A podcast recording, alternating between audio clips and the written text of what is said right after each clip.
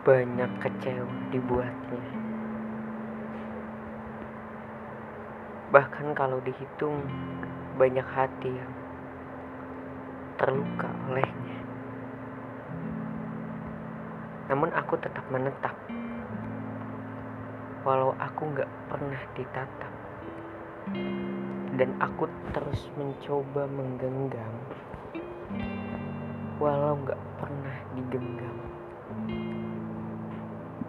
Bukankah itu semua bukti keikhlasan dari sebuah ketulusan?